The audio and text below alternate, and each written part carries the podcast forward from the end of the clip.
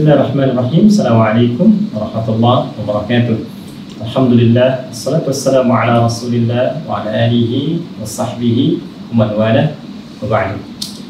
Saudara-saudariku, kita berjumpa kembali dalam kesempatan kali ini untuk eh, membahas dan sekaligus saya menepati janji melanjutkan bagian pertama yang lalu untuk kajian menghafal Quran yang insya Allah kita khususkan di bulan Ramadan yang sama-sama kita nantikan. Sebelumnya kita berdoa kepada Allah Subhanahu wa taala. Memohon supaya kita semua disehatkan oleh Allah Subhanahu wa taala. Dirahmati, diampuni dosa-dosa kita. Dan yang paling penting kita bermohon kepada Allah agar Allah berkenan mengangkat wabah COVID-19 atau virus corona yang sekarang tengah sama-sama kita hadapi, kita berjuang. Mudah-mudahan segera dihilangkan sehingga insya Allah sebelum Ramadan sudah tuntas dengan segera dan kita bisa menikmati ibadah puasa kita dengan lebih nikmat, lebih khusyuk dibanding tahun-tahun sebelumnya. Baik, kita akan coba lanjutkan apa yang telah kita bahas di pertemuan di yang lalu. Saya ingin sedikit mengingatkan bahwa di jumpa kita yang lalu, saya eh, pernah menyampaikan agar sebelum kita memasuki tahapan ya, tahapan untuk menghafal ya, maka kita ikuti dulu langkah yang dicontohkan oleh Rasulullah Sallallahu Alaihi Wasallam ketika diperintahkan oleh Allah Subhanahu Wa Taala untuk mulai membaca ya. Yang kita kemarin namakan dengan fase ikhra atau qiraah ya. Membaca bertaaruf terlebih dahulu dengan Al-Qur'an sebelum mulai Al-Quran itu ditanamkan dalam jiwa Rasulullah SAW sehingga menjadi hafal dan teramalkan dalam kehidupan. Maka saya ingin ingatkan sebelum kita masuk ke sini, maka kita coba maksimalkan dulu tahap kiraah, tahap iqra, tahap ta'aruf dengan Al-Quran dengan memaksimalkan bacaan. Saya mengingatkan di pertemuan lalu bahwa kita punya waktu dua pekan, ya, dua pekan ke Ramadan 1441 Hijrah di tahun ini ya. Insya Allah bila tidak ada hal merintang, tidak ada hambatan tertentu, eh, puasa kita semua wilayah Indonesia insya Allah akan sama. Ya untuk tahun ini 1441 Hijrah yaitu akan dimulai satu Ramadan. Ya, dan kemungkinan besar akan bertepatan dengan 24 April. Ya bersamaan dengan hari Jumat. Ya bersamaan dengan hari Jumat 24 April 2020 dari segi hitungan falak atau astronomi. Karena nanti ijtima atau konjungsi ya pertemuan sejajar antara matahari, bulan kemudian juga bumi itu akan terjadi di hari Kamis konjungsinya. Ya kurang lebih pukul 9 pagi lah ya. Nah Kemudian dari sini sampai ke maghrib masuk kepada Jumat itu ketinggian hilalnya sudah di atas 3 derajat. Jadi kalau kemudian di hitungan falak itu ada kurang lebih uh, plus 03 ya 3 derajat. Kemudian ada 53 menit lah kurang lebih ya. Sekian detik. Jadi sudah 3 derajat 53 menit ya. 3 derajat 53 menit. Jadi sudah sudah plus 3 di atas standar yang ditetapkan pemerintah yaitu 2 derajat. Jadi kalau pemerintah menetapkan standar ini di atas e, dengan ketinggian 2 derajat, besoknya kemudian ditetapkan untuk awal Ramadan ataupun Idul Fitri, maka menurut perhitungan astronomi nanti hilal akan tampak di ketinggian 3 derajat atau hilal berada di ketinggian 3 derajat sehingga patut diduga kuat keesokan harinya bersamaan dengan 24 April masuk satu Ramadan di hari Jumat ya. Sedangkan nanti ke Idul Fitrinya pun insya Allah ya Idul Fitri di tahun ini seluruh wilayah masyarakat muslim di Indonesia alhamdulillah akan merayakan bersamaan pula. Ya, jadi tidak akan berbeda kalau melihat hitungan ke sini insya Allah Idul Fitrinya pun akan sama. Itu satu Syawal ya 1441 Hijrah bertepatan dengan tanggal 24 Mei. Ya, kalau hitungan astronomi 24 Mei karena hari Ahad ini ya. Ini hari Ahad karena hari Sabtunya saat terjadi konjungsi masuk ke maghrib ketinggian hilal secara astronomi itu diduga masuk di atas 6 derajat. Jadi sudah masuk 6 derajat, sudah tinggi sekali, melebihi batas yang ditetapkan, kemungkinan akan sama. Apa kaitan dengan program kita? Sekarang, ya kita sudah masuk Jumat, ya, e, tanggal 10 ya. Baik, Jumat depan 17, depannya lagi 24. Jadi pas betul dua pekan. Ya, karena itu bagi teman-teman yang akan memulai untuk memaksimalkan ini, saya harap segera apa yang kita bahas pertemuan lalu segerakan. Ya, paling telat besok mulai. Jadi kalau Anda besok mulai, berarti Anda mulai maksimalkan ini di hari Sabtu, ya kan? Kemudian Ahad, ini pekan pertama. Kemudian Senin, Selasa, ya Rabu, Kamis. Ingat, yang saya katakan enam hari pertama, ya. Setiap satu harinya lima juz dibagi ke waktu sholat. Lihat lagi yang kemarin sempat kita bahas. Teman-teman yang baru bergabung saat ini, tolong lihat part pertama, part satu kemarin. Kemudian saya telah uraikan ini. Jadi setiap harinya lima juz dibagi waktu sholat. Ya subuh satu juz dibagi dua sebelum setengah juz, setelah setengah juz. Teruskan kembali. Zuhur, asar, maghrib, isya. Ahad 5 juz, Senin 5 juz, Selasa 5 juz, Rabu 5 juz, Kamis 5 juz. Ya, ini ada 6 hari, 1, 2, 3, 4, 5, 6. 5 dikali 6, jadi 30 juz. 30 juz dalam sepekan. Nah, Jumatnya di hari ketujuh, saya pernah ingat katakan di pertemuan yang lalu bahwa di hari Jumatnya kita maksimalkan dengan masih ingat baca surat Al-Kahf, Al-Kahfi. Nah, plus dengan Al-Qamar surah ke-54. Ya, Al-Kahfi karena memang masuk hari Jumat dan kita memohon kepada Allah kebaikan-kebaikan. Surah Al-Qamar di situ diisi dengan janji Allah empat kali disebutkan dalam Al-Qur'an. Surah ke-54 ini ayat 17, ayat 22, ayat 32 dan ayat ke-40. Walaqad yassarnal Qur'ana lidzikri fahal mim muddakir. Ya, kata Allah, sungguh kami telah mudahkan Al-Quran semudah-mudahnya untuk diingat, dihafalkan. Maka adakah di antara Anda yang mau menghafalkannya? Maka Anda bacakan ini, Anda katakan, Ya Allah, saya mau hafal. Ya Allah, saya mau hafal. Maka Anda minta kepada Allah, Ya Allah, anugerahkan kemudahan dalam menghafal. Ya Allah, berikan kemudahan dalam menghadirkan Quran dalam jiwa hamba. Ya Allah, berikan kemudahan untuk mengamalkan isi Quran yang telah hamba hafalkan. Minta sepenuhnya, minta di hari yang paling baik ini.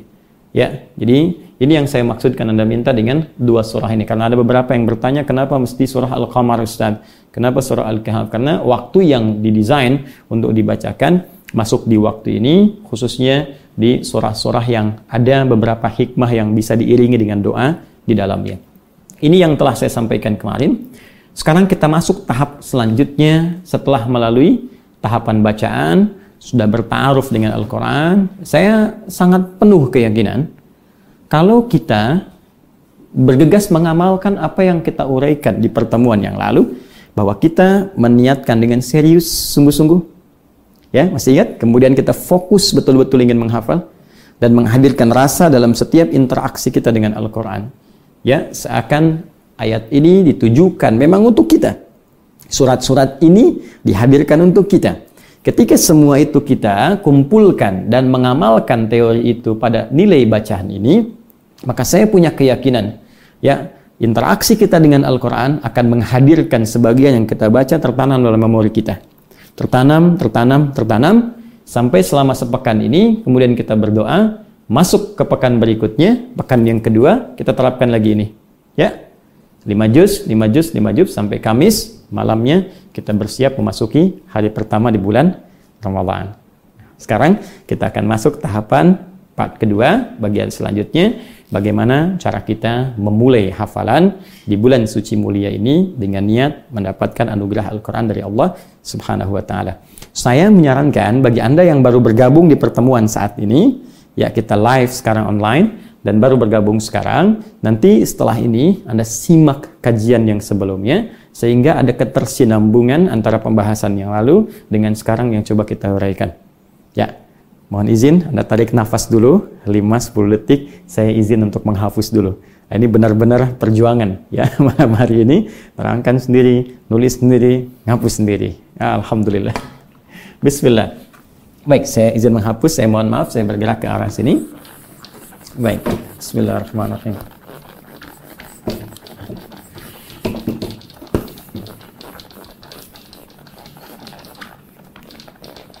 Baik teman-teman fokus dan siapkan betul apa yang akan kita coba uraikan dan uh, saya ingatkan lagi juga tolong uh, malam ini mungkin Anda bisa punya tulisan ya untuk bisa merangkum apa yang saya coba sampaikan. Anda bisa gunakan yang wahas notes itu dan buku juga Anda siapkan ya karena ini insya Allah agak lama saya menghapus karena kualitas tintanya cukup kuat.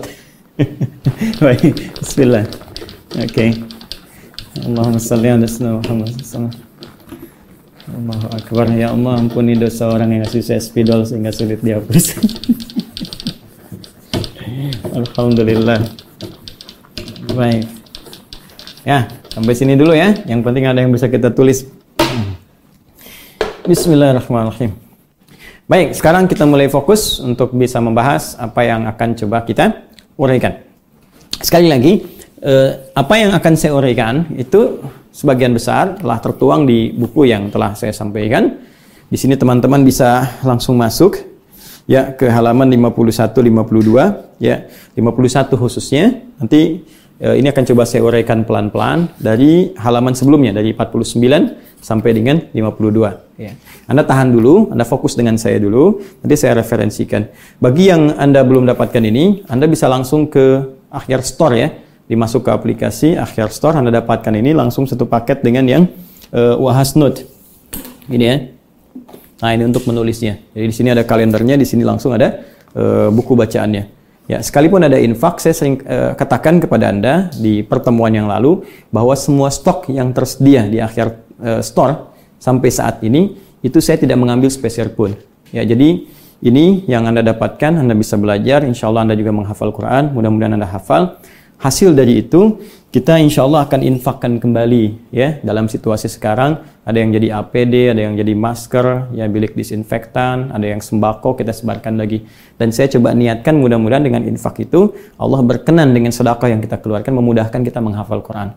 Itu yang ingin saya sampaikan. Jadi kita berjamaah bersama-sama mudah-mudahan jadi keringanan untuk kita. Baik sebelum kita masuk pada tahap berikutnya yaitu tahap hafalan Saya ingin ingatkan terlebih dahulu bahwa target menghafal 30 juz ya. selama 30 hari itu membutuhkan fokus yang luar biasa. Saya ulang, membutuhkan fokus yang sangat luar biasa. Fokus ini juga teriring dengan pemanfaatan waktu yang Allah berikan dalam sehari itu ya sebanyak 24 jam. Ini waktu ini akan termanfaatkan dengan begitu padat sehingga mohon maaf kegiatan-kegiatan lain boleh jadi akan tereliminir, akan tertepikan kebiasaan-kebiasaan, hal-hal yang mungkin sebagian rutin dikerjakan, ya ini akan semua diarahkan untuk mendukung kepada hafalan Quran. Karena itu, boleh jadi bagi sebagian kawan-kawan yang ingin bergabung untuk menghafal Quran dengan target 30 juz 30 hari ini mungkin akan didapatkan kesibukan-kesibukan yang boleh jadi tidak bisa ditinggalkan ya khususnya saat masuk Ramadan. Misal, saya meyakini ada kalangan para ummahat ya, para ibu yang mungkin punya tugas nanti memasak, ada yang punya anak juga yang masih harus dirawat, ada yang masih diberikan ASI dan sebagainya. Kalaupun kemudian ada waktu-waktu yang nanti saya uraikan di sini, ya tidak bisa digunakan sepenuhnya untuk bisa fokus mendapatkan 30 juz maka Anda bisa mulai dari target yang ringan dulu. Di Ramadan kali ini dapatkan sebagiannya. Kalau tak bisa diraih keseluruhannya dapatkan sebagiannya dulu. Ya dan dari sebagian ini nanti saya ajarkan. Ada beberapa ayat dalam Al-Quran yang kalau kita mohonkan kepada Allah yang sebagian itu justru menjadi kunci untuk mempercepat yang setelahnya bisa ditanamkan oleh Allah dalam jiwa kita. Ya, kalau dalam bahasa yang lebih mudah dipahami, mungkin dapatnya Ramadan cuma tiga juz misalnya. Tapi yang paling indah setelahnya Allah akan percepat hafalan kita. Mungkin yang 27 juznya tiba-tiba dalam dua bulan saja, tiga bulan saja, atau bahkan hitungan sebulan kurang dan sebagainya. Yang penting kita betul-betul fokuskan niat kita untuk berikhtiar maksimal menghafal Quran. Nah, saya ingin tawarkan dulu, jika memang nanti didapatkan kesibukan yang sangat padat, sehingga tidak memungkinkan maksimal 24 jam untuk bisa fokus pada hafalan Quran, khususnya di Ramadan kali ini, karena ada tugas-tugas yang urgen yang harus dikerjakan. Dan sekali lagi jangan pesimis. Ya, nanti Anda bisa bagi, misal di rumah ada lima orang. Ya, ada ibu, memang semua sedang lockdown, tapi kan punya tugas juga. Ya, di sini ada ayah misalnya, ada anak tiga orang. Ya, taruhlah ibu punya kesibukan yang cukup padat, dibantu sebagian anak menyiapkan ini, menyiapkan itu dan sebagainya. Maka mungkin Anda bisa tugaskan satu anak untuk 30 juz fokus dan disupport oleh empat orang yang lain. Ya, jangan ganggu dia, siapkan ruangannya, siapkan misalnya perlengkapannya, segalanya dan sebagainya. Yang lainnya ambil sebagian dari ini. Dan nanti siapkan untuk setelah Ramadan mengejarnya dengan pengajaran yang dinikmati. Maka pahalanya akan sama berbagi. Jadi, bukankah Anda masih ingat hadis Nabi yang sering saya sampaikan? Man ala khair falahu ajruhu mithla ajri fa'ili min ghairi an yankusa min ajrihi syai'. Siapa yang menunjukkan, memfasilitasi pada sebuah kebaikan, maka ia akan dapat pahala yang sama dengan yang mengamalkan tanpa dikurangi sedikit pun. Duhai orang tua yang memfasilitasi anaknya, ya disupport, yuk kamu hafal ya, ambil, kamu satu orang, insya Allah perwakilan keluarga, jadi kebanggaan di akhirat, membimbing kami, bawa kami sampai ke surga menghadap Allah dengan izin Allah subhanahu wa ta'ala. Misal, anda fasilitasi, maka setiap huruf yang dia hafalkan, setiap ayat yang dia hafalkan, sampai 30 juz, semua keluarga ini mendapat bagian pahalanya tanpa dikurangi sedikit pun. Kalau ia mengamalkan, dapat transferan pahala lagi. Kalau ada murid dari dia, dapat lagi pahala. Ini Masya Allah. Nah sekarang izinkan saya masuk pada intinya. Ya, saya akan mulai dari yang sebagian dulu. Kalau Anda merasa kesulitan untuk mendapatkan semua, saya akan berikan target paling minimal dulu, ya. Untuk di Ramadan kali ini dalam 30 hari berapa paling minimal yang mungkin bisa kita kejar bila waktu 24 jam ini belum bisa bisa kita fokuskan untuk mendapatkan 30 juz hafalan. Ya, seperti menghapus nih. Kalau nggak bisa dihapus semuanya, minimal sebagiannya. Baik, bismillah. Baik, kita fokus. Pelan-pelan. Lihat dulu. Masih ingat saya sampaikan di pertemuan lalu? Ya, saya tanya kembali. Mushaf yang akan kita gunakan setiap satu halamannya ada berapa baris? Hmm, 15 baris ya. Saya hitungkan lagi. Bismillah. Teman-teman, kalau Anda ambil mushaf standar, Ya, ingat ya. Kalau saya sebut satu lembar, berarti begini. Ya. Ada seperti ini, kanan dan kiri. Ya, depan, belakang. Ini satu lembar. Kalau saya sebut satu halaman, berarti ini saja. Ya, atau ini saja. Kalau saya sebut satu lembar, berarti ini dan ini. Ya, jelas ya? Ini dan ini. Setiap satu halaman ini ini jumlahnya di mushaf standar 15 baris. Ya, kecuali Al-Fatihah dan halaman pertama Al-Baqarah ayat 1 sampai 5. Ya, selebihnya 15 baris. Berarti satu lembar itu 30 baris. Ini 15, ini 15. Baik ya? Baik. Sekarang saya tutup dulu sebentar. Nah, sekarang Bila kita ingin ambil target yang paling ringan selama 30 hari bulan Ramadan, kita bisa keluarkan dengan yang paling santai caranya.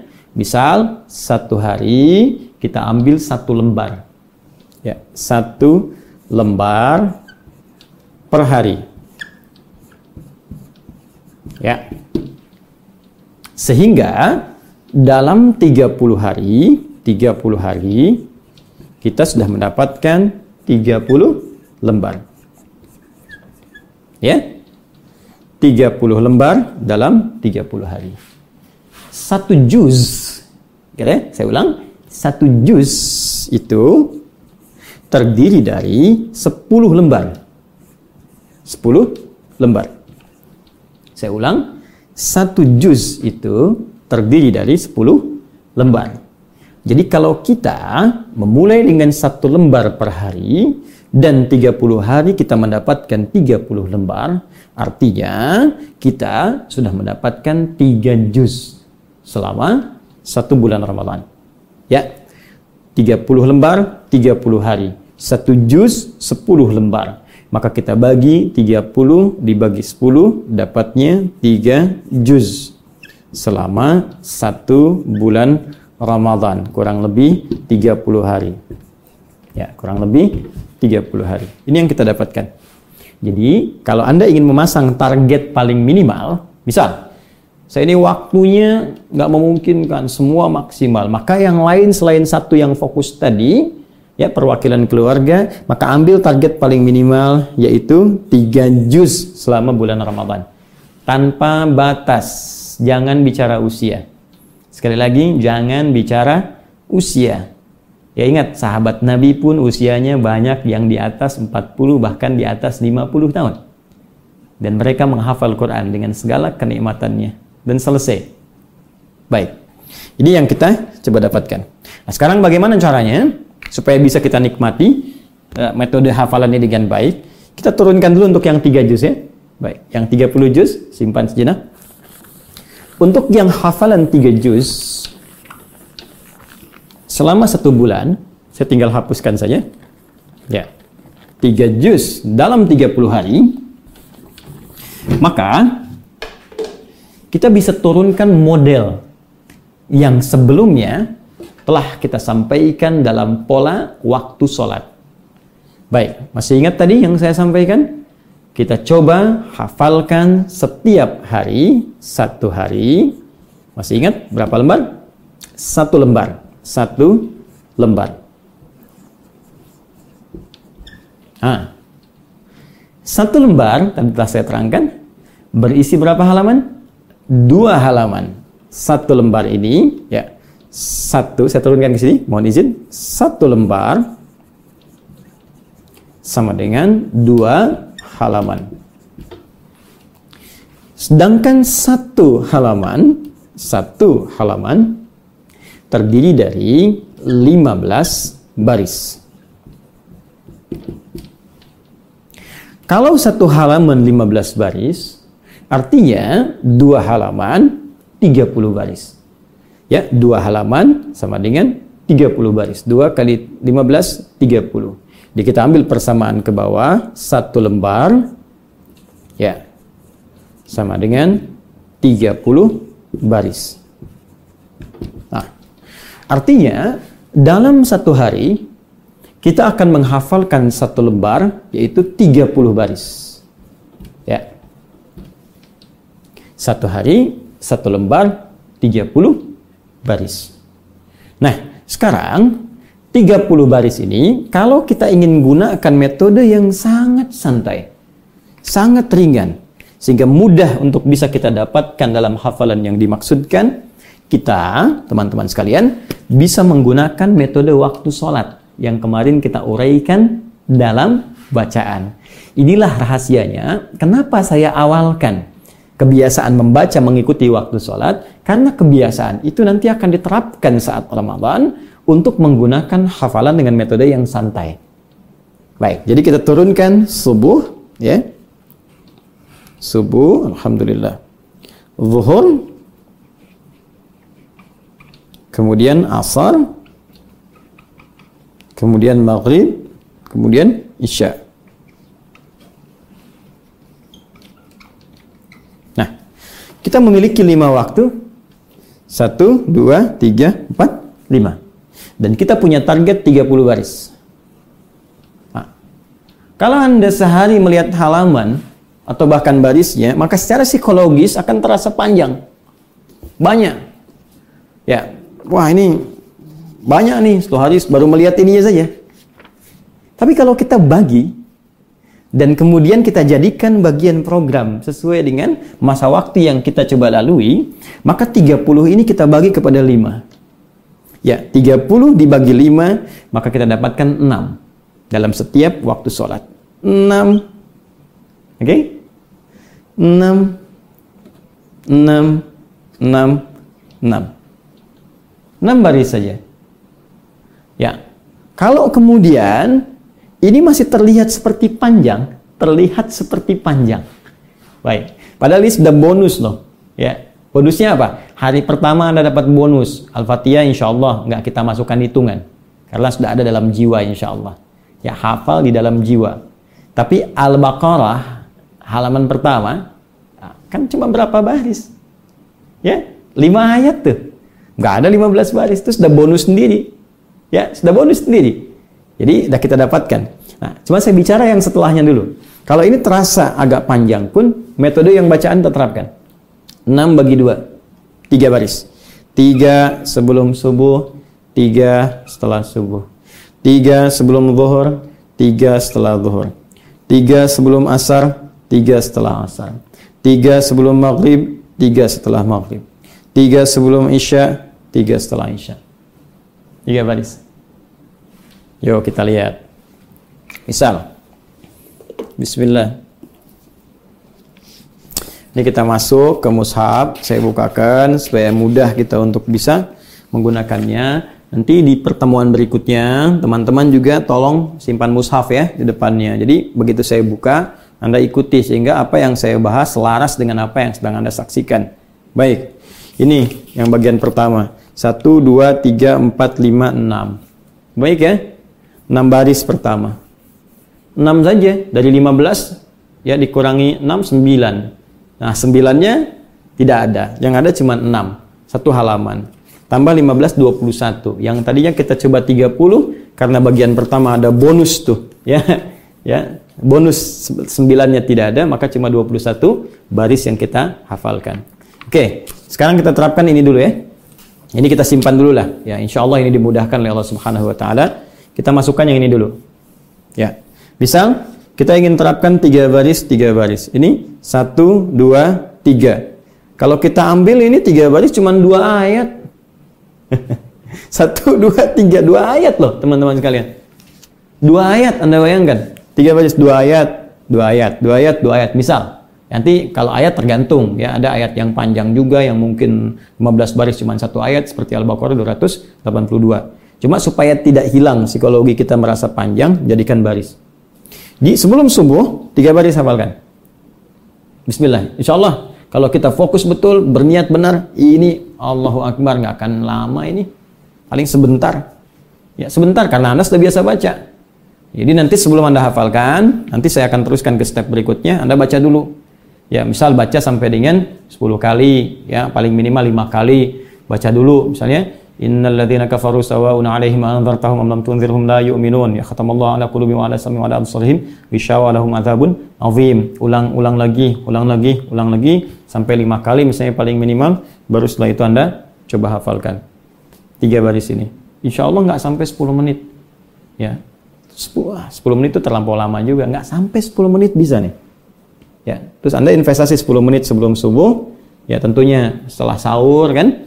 Setelah sahur, eh, ambil ada waktu 10 menit, tahan dulu. Jadi usahakan berhenti sahur itu 15 menit ya sebelum subuh. Jadi 5 menitnya isi dulu supaya longgar sambil istighfar, doa kepada Allah minta dimudahkan. 10 menitnya mulai untuk tiga baris. Kemudian setelah subuh tiga baris lagi Ya, sambil zikir, selesai, nunggu syuruk, tiga baris lagi. Nanti begitu Anda selesai ini, tiga baris ini selesai, kemudian sholat subuh. Nah, ingat-ingat ingat polanya. Saya pelankan sedikit ya. Mulai menghafal sebelum subuh. Baca dulu 5 sampai 10 kali, hafalkan. Sholat subuh, setelah subuh, masuk ke yang ini, tiga baris selanjutnya. Ya, baik.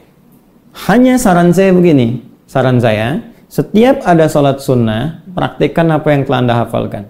Misal, ini kan mau sholat subuh. Ya, sebelum sholat subuh, ada sholat sunnah dua rakaat sebelum subuh. Maka praktekkan di dalam sholat yang telah dihafalkan. Rakaat pertama dua ayat, rakaat kedua satu ayat. Setelah subuh, kita akan berusaha menghafalkan tiga baris lagi. Sebelum menghafal yang ini, ulang dulu yang ini. Ya, supaya kuat ya supaya tertanam dalam jiwa kita. Jadi kalau kita menghafalkannya pelan-pelan sebagian-sebagian itu ada bahasa Quran di surah ke-25 Al-Furqan ayat 32. Ya waqala alladziina kafaru laula nuzzila alaihi al-Qur'anu jumlatan wahidah. Dijawab oleh Allah kadzalika linutsabbita bihi fuadak. Ya, orang-orang kafir berkata ya, kenapa Al-Quran tidak diturunkan kepada Muhammad SAW seluruhnya langsung 30 juz? Dijawab oleh Allah, justru diberikan sebagian-sebagian, sebagian-sebagian supaya kami kuatkan ya, kami tanamkan Quran itu secara kuat dalam jiwanya. Nah, jadi kalau Anda menghafalnya seperti ini, ini kekuatan hafalan itu akan kuat dalam jiwa karena langsung dipraktekkan. Praktekan, praktekan. Warattalnahu tartila dan dibacakan, kami bimbing bacanya secara tartil. Jadi sebelum masuk ke sini, ulangi dulu yang ini, teruskan ini. Nah, anda sudah mendapatkan 6 baris. Menuju ke zuhur, kan ada duha. Ada syuruk sebelumnya. Ya, ada duha, awal duha itu syuruk, pertengahan duha, akhir duha. Ini praktekan lagi di sini. Sekarang sudah jadi 6 baris. Ya, praktekan dalam salat duha. Nah, jadi sebelum sampai ke sini, sampai ke zuhur, mungkin ada aktivitas yang lain silahkan. Anda kerjakan duha dulu, ya ada yang misalnya Anda kerja dari rumah, ya work from home, yang lain mengerjakan yang lagi, ibu masak lagi misalnya, ya sambil mengulang-ulang yang ini, silahkan kerjakan. Atau kalau nggak bisa sambil diulang, ya Anda dengarkan aja, style morotal. Morotalnya style, tapi batasin sampai ke sini aja. Ya, sehingga sampai terus, terus, terus, terus terputarkan di benak Anda. Nah, kemudian masuk kepada waktu zuhur, jeda sebelum zuhur, Anda ambil jeda untuk menghafal lagi tambahan tiga, tiga baris. Nanti ada qabliyah zuhur, Praktekkan dulu yang ini, bacakan. Kemudian setelah zuhur tambah lagi tiga baris. Ya. Jadi Anda dapat enam baris lagi. Enam baris tambah enam baris sudah dapat dua belas baris. Nah, nanti saat Anda sudah dapatkan ini 10 menit, 10 menit, Anda bisa mengulang dengan yang ini juga. Masukkan ini ke sini. Ya, jadi nah 12 baris tuh diulang lagi, diulang lagi, diulang lagi, diulang lagi, sedikit lagi sampai kepada eh, satu halaman. Nah, sampai ke asar demikian teruskan. Jadi sebelum asar tiba, Anda sudah mendapatkan 15 baris. Ya, karena ini 6 tambah 6 12 tambah 3 15 baris. Berarti sebelum asar setiap hari targetnya sudah satu halaman sebelum asar. Satu halaman. Ya, pada asar tambah lagi 3 baris. Jadi Anda sudah mendapatkan 18 baris. Satu halaman plus 3 baris. Demikian seterusnya maghrib sampai ke isya. Nah, kalau kebetulan kadar Allah misalnya wilayah sekarang pandeminya menyebar wilayah anda merah dan sebagainya dan kadar Allah anda mengerjakan tarawihnya misalnya berjamaah di rumah.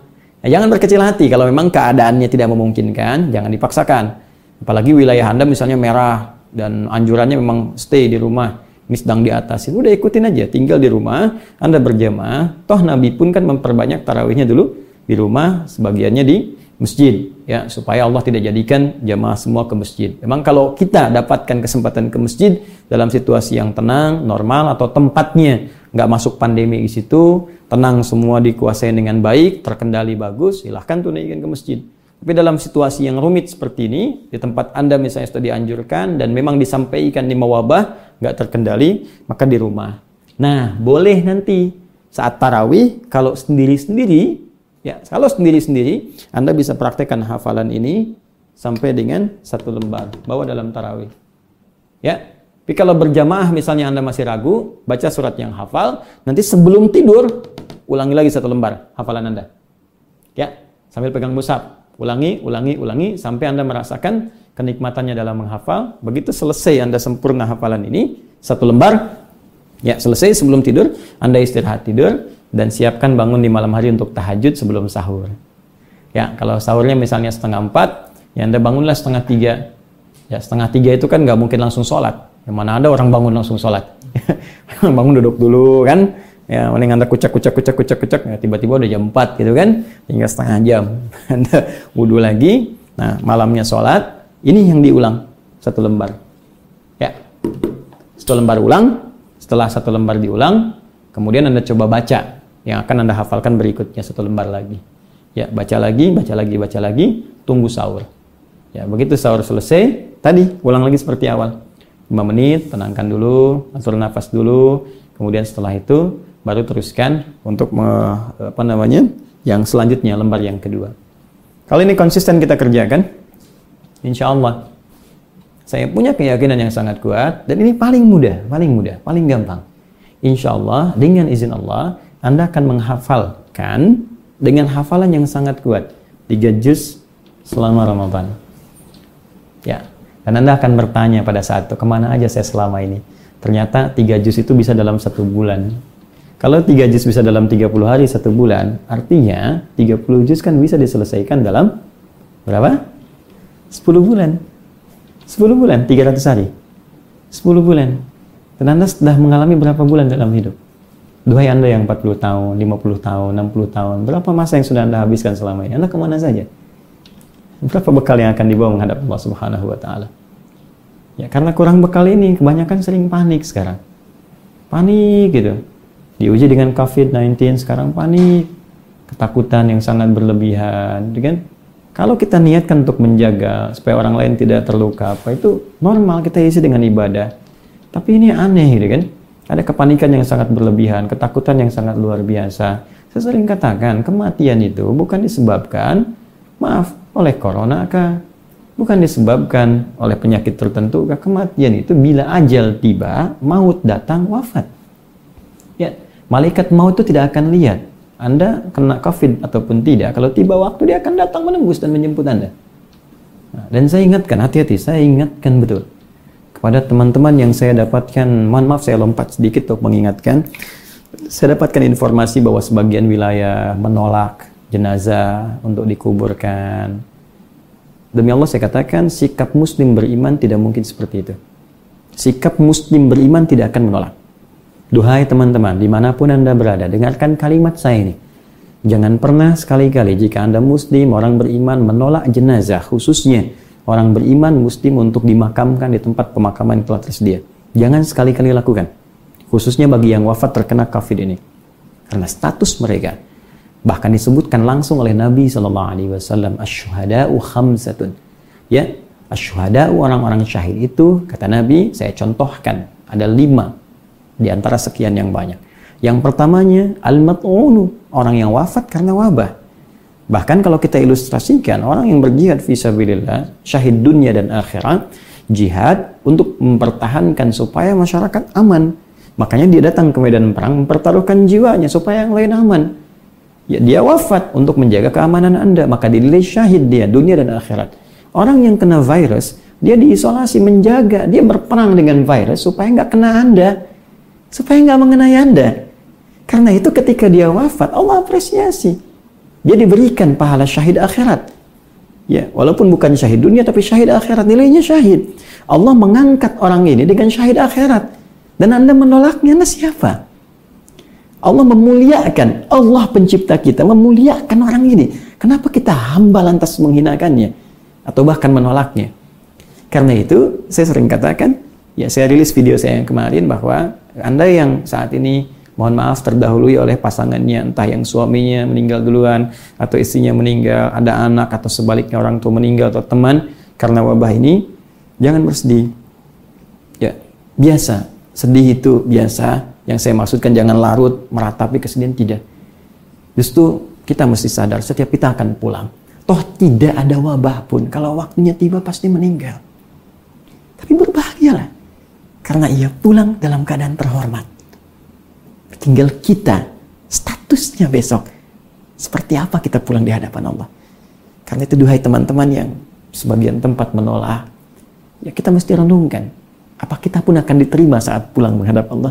Jangan-jangan yang ditolak ini justru diinginkan oleh Allah dimakamkan di tempat yang paling mulia.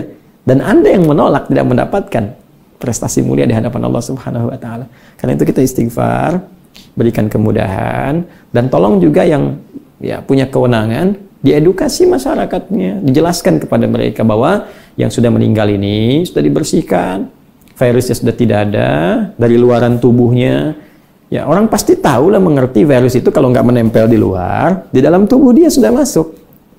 Orang meninggal kan sudah dibersihkan, kayaknya dibersihkan pakai sabun, yang lain-lainnya ada disinfektan, selesai, ditutup, Ya kafannya sudah bersih, apalagi ada yang dibungkus lagi dengan plastik sudah bersih. Dimasukkan ke alam kuburnya, apa yang mau ditularkan? Kalau protokolnya dijalankan dengan benar. Kecuali kalau jenazahnya batuk atau bersin lagi, ya Anda lari aja. Ya, artinya belum meninggal gitu. Ya, jadi dah kita kembali lagi ke sini. Saya mohon maaf ya, eh, kita mesti ingatkan karena ada beberapa bagian yang tidak perlu terjadi. Baik, jadi insya Allah eh, dalam sebulan Ya, selama Ramadan metode santai kita hafal berapa? Ah, belum tentu tiga juz kalau Anda tidak fokus. Ya. Ya tetap fokus, tetap niatkan dengan tulus dan jadikan semua ada rasa dalam hafalan sehingga diri kita lebih dekat dengan Allah Subhanahu wa taala. Ini yang santai. Ya, tarik nafas dulu. Tarik nafas. Saya hapus dulu. Anda tinggal tarik nafas sehingga nanti kita ada space yang lain lagi. Bismillah. Allahumma salli ala Baik, ini yang metode santai kita sudah dapatkan. Satu hari, satu lembar, 30 hari, 30 lembar, sama dengan 3 juz dalam satu bulan, insya Allah. Nah, kalau sudah seperti ini, biasanya itu nanti ada kebiasaan, ada kerinduan. Kalau sudah ada rasa tuh membekas dalam jiwa. Biasanya semua yang berkesan di jiwa itu selalu ingin diteruskan Ya, dari pandangan mata ke mushaf jatuh ke hati. Dari hati muncul rasa, dari rasa ingin selalu kembali. Ingat lagi, ingat lagi, ingat lagi. Itu yang kemudian kita teruskan kepada Quran. Jadi kalau Anda pada manusia, pada yang lain bisa, kenapa pada Quran firman Allah yang kita cintai, ya tidak bisa kita punya kerinduan ke situ. Kan cinta itu melahirkan rindu. anda cinta pada anak, rindu pada anak. Anda cinta pada Al-Quran, Anda akan rindu pada Al-Quran. Ya, itu poinnya. Jadi nanti kalau sudah terbiasa dengan tiga juz, ke sananya akan ingin mengejar, ingin mengejar, ingin mengejar, sehingga pengejaran itu menghasilkan percepatan. Ya itu sudah rumus di fisika juga demikian. Kalau e, kecepatan kita meningkat, maka percepatannya akan semakin kuat. Ya jadi e, jarak tempuhnya walaupun panjang, tapi karena waktu tempuhnya dipercepat oleh kita, maka jaraknya akan terlihat seperti mengecil. Ya Anda mau ke Jakarta misalnya dari Bekasi 30 km per jam. Kalau Anda pakai mobilnya, jalannya cuma kecepatan 50 km per jam, mungkin sampainya berapa lama gitu kan. Nah, tapi kalau Anda tancap gas lagi, ya 100 km per jam misalnya, atau 120 km per jam dalam tahap masa aman, maka waktu tempuhnya akan lebih cepat untuk Anda dapatkan. Demikian menghafal Quran. Kalau kita sudah punya rasa, kemudian kecepatan kita menguat, maka waktu tempuhnya semakin cepat, yang tadinya 10 bulan, boleh jadi diselesaikan dalam 5 bulan, 3 bulan, 2 bulan, atau bahkan sebulan setelahnya. Sekarang, jika saya ingin mendapatkan 30 juz dalam 30 hari. Nah, tadi 3 juz 30 hari. Sekarang 30 juz insya Allah dalam 30 hari. Maka bagaimana cara yang harus kita jalani?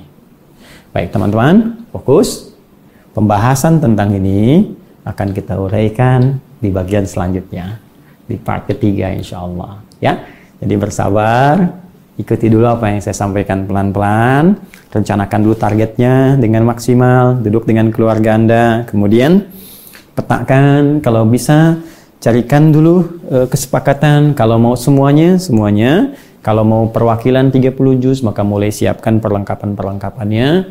Keluarkan ayat-ayatnya dulu jadi ada ayat-ayat misalnya di Al-Quran surah ke-13 Ar-Ra'du.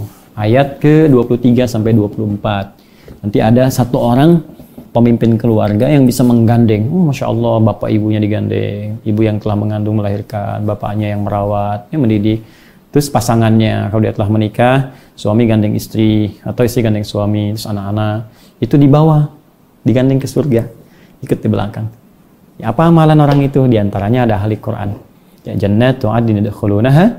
Ada para penghafal Quran akan masuk ke dalam surga dan nah, kemudian wa man salaha min abaihim wa azwajihim wa. Dia menggandeng bapaknya yang soleh, ibunya yang salihah, ya, digandeng tuh. Kemudian pasangan-pasangannya dan keturunan-keturunannya. Wal malaikatu yadkhuluna alaihim min kulli bab. Salamun alaikum bima sabartum fa ni'ma uqbad dan setiap dia akan melewati pintu surga, jadi dia surganya surga paling indah tuh. Terus dia melewati pintu-pintu surga yang lain. Maka disambut, malaikat tuh berjujur, baris, disambut. Setiap lewat, diucapkan selamat, selamat, sabar saat di dunia, selamat, sabar, sabar ya. Kamu sabar menghafal Quran, sabar meluangkan waktu, sabar meluangkan tenaga, sabar meluangkan biaya, sabar. Makanya sabar. Anda bisa sabar beli pulsa, kenapa nggak sabar beli mushaf, beli buku, nggak sabar untuk bisa meluangkan waktu, Ya, sabar. Karena ada satu bagian dari episode kehidupan kita yang akan sangat menentukan.